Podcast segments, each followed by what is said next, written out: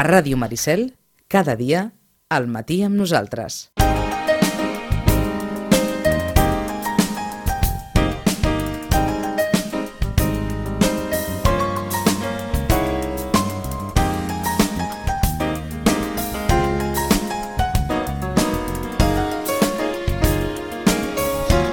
Arta, bon dia, bona hora. Bon dia. Per on vols començar? Per l'agenda. Per l'agenda? Sembla bé? Per aquesta activitat que té fins i tot alguna cosa de d'audiovisual? Eh que teniu alguna activitat que hi ha alguna projecció o alguna cosa d'aquestes? O ja ha passat? Ja deu d'haver passat. Prometo no fer-ho més. Ai, potser, com que saps No, què passa? no, no, que... és que no, molt bé. I jo també m'estic fent gran. I, i, i això també és gros, eh? La segona de em diu, ai, quina memòria que tens. Dic, sí, mira-la, mira-la la memòria. Que, No, que pot ser bé. que, com que jo ara estic a Barcelona, doncs, mm, clar, potser també se m'ha escapat alguna cosa. Però vaja, no, del que explicaré No, no, no, no. Com, si no, com si no hagués dit res. Bueno, hi ha àudio i hi ha visual, però junt no. Vull dir, Ah, escoltarem entesos. coses i veurem coses. Doncs deu, però... ser, doncs deu ser això el que m'ha confós, eh? És a dir, una activitat que escoltareu coses i veureu coses, Sí, sí, eh? sí. però no audiovisual. No, audiovisual. Deu anar per aquí. Jo que tinc alguna cosa que deu anar per aquí. Vinga, comencem per Doncs, l'agenda. Vinga, doncs demà, demà que és divendres, tenim l'hora del conte. Ve una narradora que a la biblioteca no hi ha estat mai, però que li mirem el currículum i és fantàstic. És l'estrella i els contes. Ella és escriptora de contes i narradora professional des de fa molt de temps. Mhm. També s'ha dedicat moltíssim tota la seva carrera professional al món dels nens, des de monitora d'esplais fins a professionalment doncs, ser, ser educadora no? de- de- infantil. Ella diu que moltes vegades explica contes amb l'ajuda d'un bagul màgic o d'una maleta d'on surten contes i molts dels que explica són de producció pròpia, que els ha escrit ella, no? en la seva faceta també d'escriptora.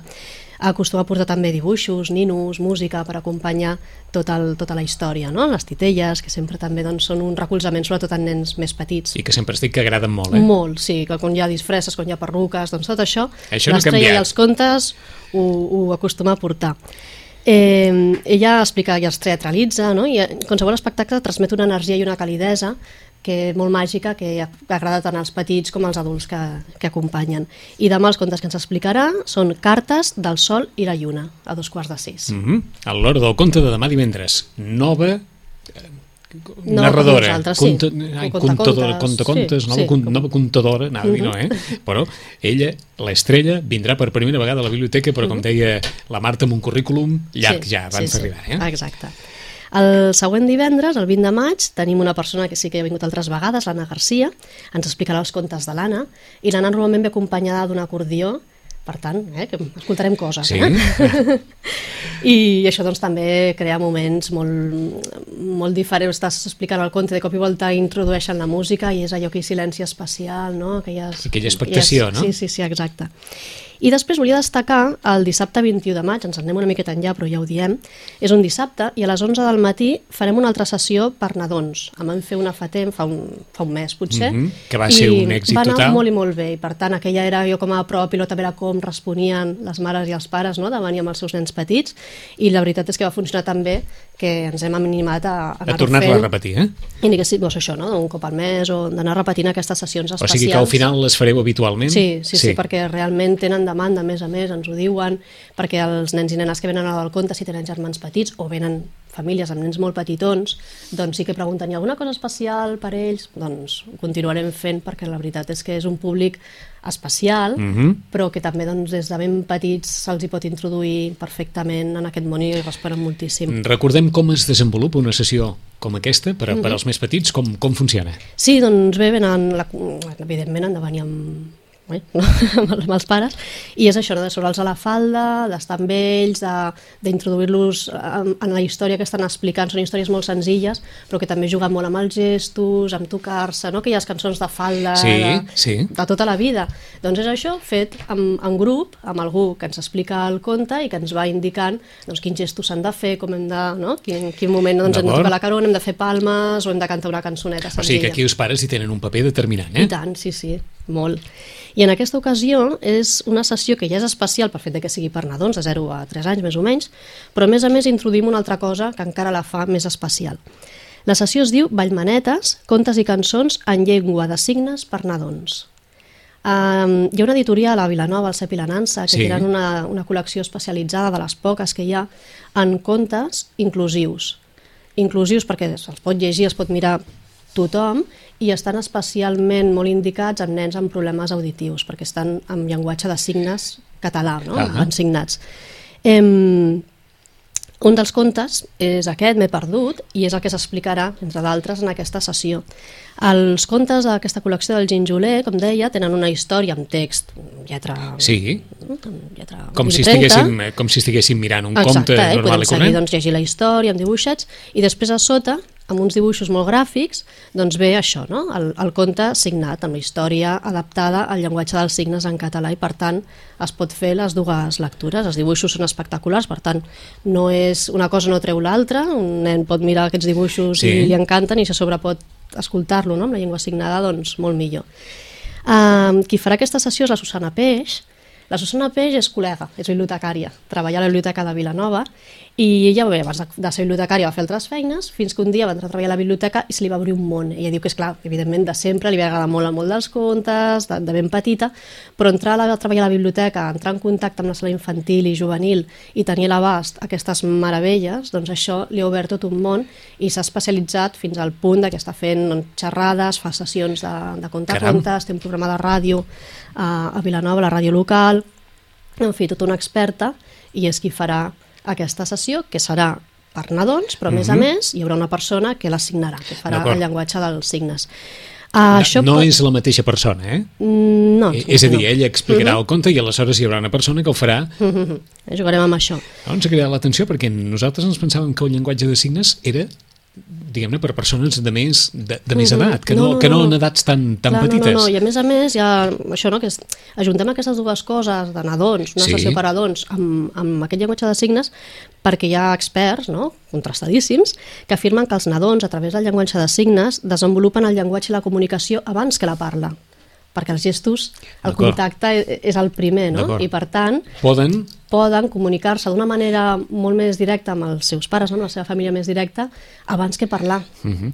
no? I per tant es pot reforçar molt el missatge, la història llavors, que És una s'explica. activitat això per estimular l'atenció, l'aprenentatge, el contacte i aquesta, mira, doncs una manera nova que podem tenir aquesta idea de, de comunicar i d'ensenyar doncs, un llenguatge nou als, als nens i que Doncs per molt aquest- petits que siguin, Mhm. doncs és molt positiu. Doncs en aquest cas el 21 de maig, 21 de maig al matí, en aquesta segona sessió de les que s'aniran fent, dedicada als més menuts, de 0 a 3 anys, s'explicaran això, contes, però també amb llenguatge de, de signes, amb llenguatge allò inclusiu, perquè l'activitat sigui allò veritablement molt, molt potent des del punt de vista de, de, pares, eh, de pares i fills. Ho explicarà, els llegirà aquests contes, tornem a repetir. La Susana Peix. La Susana Peix. Això serà el dissabte dia 21 a les 11. Mm, a les hem dit? 11 del matí. Marta, Sí, exacte. Estem en una marató de lectura, la 17ena, per nens i nenes de 6 a 12 anys. estem a punt i- de, de mig mes de maig. Sí, estem eh? ja a la meitat. En aquesta ocasió s'han apuntat 90 nens i nenes. D'aquests ja hi ha 40 que ja tenen el seu nom en el llibròmetre, per tant ja han, han llegit, han tornat llibres a la biblioteca i el seu nom ha començat a pujar a posicions. No està malament, per estar a la meitat, doncs la meitat de nens ja han tornat coses i ja estan allà participant. I d'aquests 10 hi han arribat a assolir el repte de ser Oh. superlectors, d'haver-se llegit O 8 sigui- llibres. O sigui que en 15 dies del mes de maig Mhm. ja han assolit... Sí, vuit llibres. I ara que he passat un momentet, alguns dels noms són, són de nens que han participat altres anys i que per tant esperaven la marató ja Ah, amb, amb delit. amb ganes, amb ganes, sí, ja estan pujant, pujant el seu nom en el llibròmetre. Recordem això, que és un repte que planteja si són capaços de llegir-se vuit llibres en un mes i que això l'objectiu principal és el de crear un hàbit lector no, Una- de, del una dia a dia. motivació per llegir, eh? Exacte, i també doncs, implica molt a les famílies perquè un nen sol doncs, li costarà més que si la família doncs, també l'anima, el porta a la biblioteca, li troba aquella estoneta per dedicar a la lectura, l'ajuda a triar contes doncs tot això és el que pretén la, la doncs marató. estem gairebé a l'equador de la marató de lectura Mhm. i, com ens deia la Marta, ja n'hi ha uns quants que han superat el repte de llegir 8 llibres Mhm. en la marató de lectura. Exacte.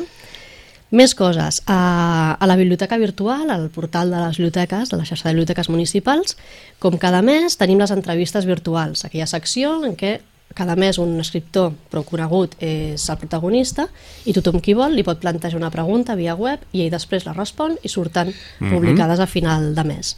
En, aquesta, en aquest mes tenim el Xavier Bosch.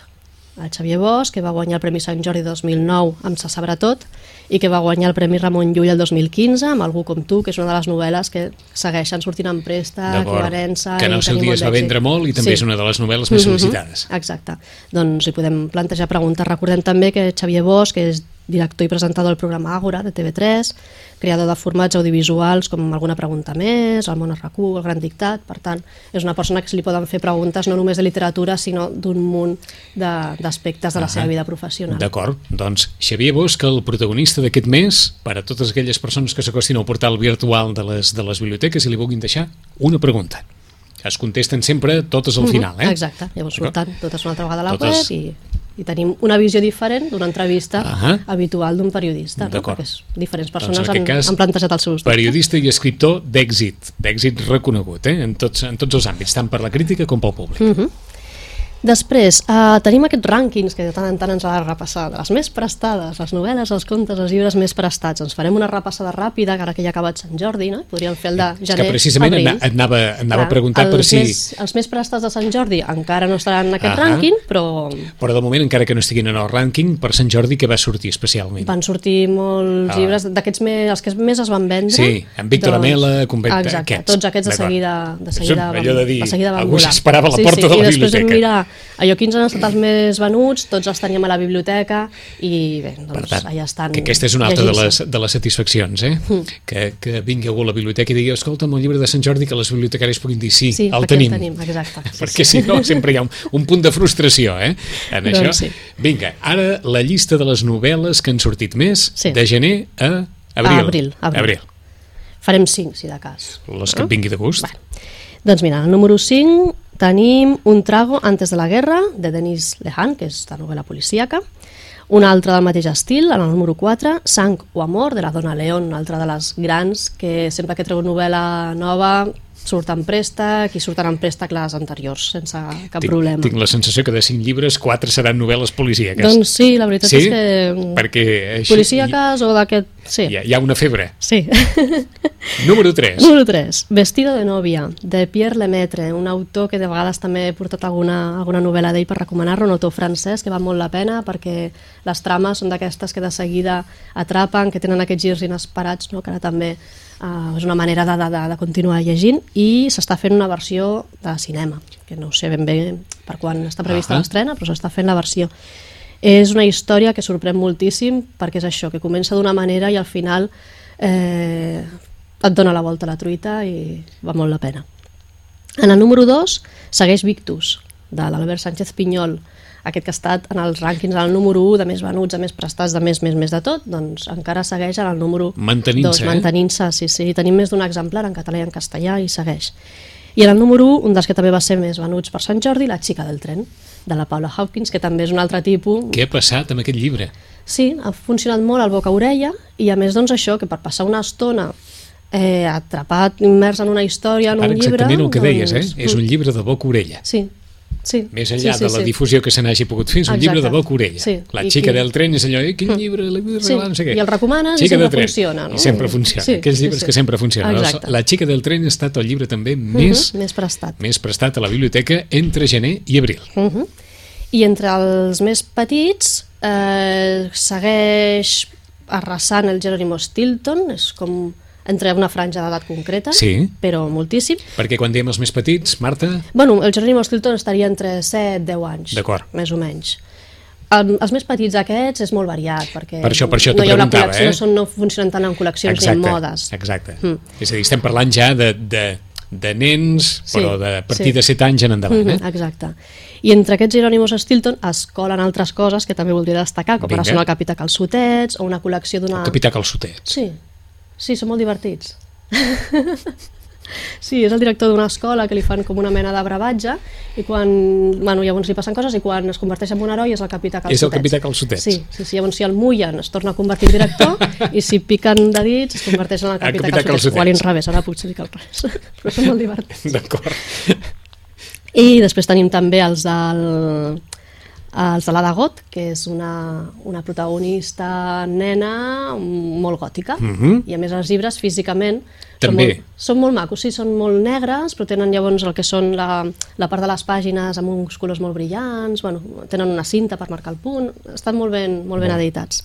I després ja pels més grans, a partir d'això, no? de 10, 11, 12 anys, tenim les, aquesta col·lecció del Pringat i en fi, el diari de Grec, que és tota una col·lecció també, aquests surten moltíssim, i també estic contenta perquè en el rànquing trobem molt Roald Dahl i també perquè la biblioteca ho estem treballant, aquest any que és el seu centenari, I l'estem veritablement- destacant, han arribat llibres nous, i el que és bo és bo. Per tant, Roald Dahl també estaria dintre d'aquest I les històries diverses de Roald Dahl, aquestes històries tan extraordinàries, Sí. tan, tan fora del comú, tan així enmig, Sí. de, enmig de somni, històries... sí, i perquè històries també el coneixen a través de pel·lícules de cinema i per Ahà. tant és fàcil també d'enganxar-los amb Roald Dahl. Doncs Roald Dahl, que és un altre dels més prestats a la biblioteca. Mhm. I per acabar volia fer una recomanació Vinga. per, per adults d'una novel·la. És una novel·la d'un autor, del Dani Alba, és un escriptor de Sant Pere de Ribes, que va presentar, va treure fa un parell d'anys una novel·la eròtica, 158, Que s'havia presentat a la biblioteca presentat també. a la biblioteca, i ara doncs, ha volgut aparcar 158, ho tornarà a recuperar amb una segona part, i s'ha dedicat a escriure aquesta nova novel·la, que ha presentat ara per Sant Jordi, i es titula Illa 2035. Eh, aquí el Dani Alba ha volgut, ha volgut això, no? desmarcar-se de l'estil que potser doncs, bueno, amb el que va tenir molt d'èxit, ha estat també molt llegit i que li demanem més als que l'han llegit, però ell ha volgut doncs, fer una altra, una altra història i, i potser doncs, donar-li un, un plus més de, de, en la part literària. No? I a més un argument també, ara l'explicarem. Sí, miqueta. sí, sí. I, i és una novel·la doncs, que, bueno, que volem recomanar expressament i a més a més perquè aquest dissabte es fa la presentació aquí a Sitges a la, a la llibreria La Malvasia Mhm. de llibres Fem un parèntesi aquí sí, per dir que demà oficialitzarà la llibreria que tanca les seves portes. Tanca les seves portes Malvasia de llibres, han passat no sé si dos anys o potser encara no, Mm, així de Sí, gairebé, sí. gairebé rapats. Per tant, aquest projecte d'Òscar Ortiz, que, que d'alguna manera va ser, di- diguem-ne, que, que mig públic, perquè saben vostès que, que Òscar Ortiz va, va deixar d'exercir de regidor precisament per, per embrancar-se en aquesta, en aquesta il·lusió, en aquest projecte professional, doncs la llibreria La Malvasia tancarà les seves portes, però encara queden, doncs això, algunes activitats que es faran a la llibreria, com la presentació d'aquest llibre, eh? sí, doncs serà aquest dissabte a partir de les 7 i serà una presentació amb, amb el segell 158, amb aquest toc que li dona el Dani Alba les obres que fa ell, no? que la cuida molt també tot el que envolta eh, els seus llibres. I llavors, com a cosa molt destacada i diferent i que també doncs, volem destacar, és que comptarà amb la presència de la Fina Baciana, que és una pintora de Reus, reusenca, que és qui ha fet la portada del llibre, Mm -hmm. I llavors eh, la Fina, a tothom que vagi, que li presenti no, l'exemplar, li fa un, un dibuix... Li farà un petit- Li farà un dibuix personalitzat, no? mirant els ulls de la persona que té al davant, i llavors agafant els colors que l'inspira, i de fet en el llibre hi ha una pàgina reservada expressament Per això. per això. Per tant, qui vagi a la presentació del llibre, tingui el seu exemplar, se l'emportarà d'una manera... Quina proposta més enginyosa, molt, eh? Molt, és a dir, hi ha una maco. pàgina del llibre pensada precisament per als dies de Exacte. les presentacions, o de les dedicatòries, Sí, o... sí, sí.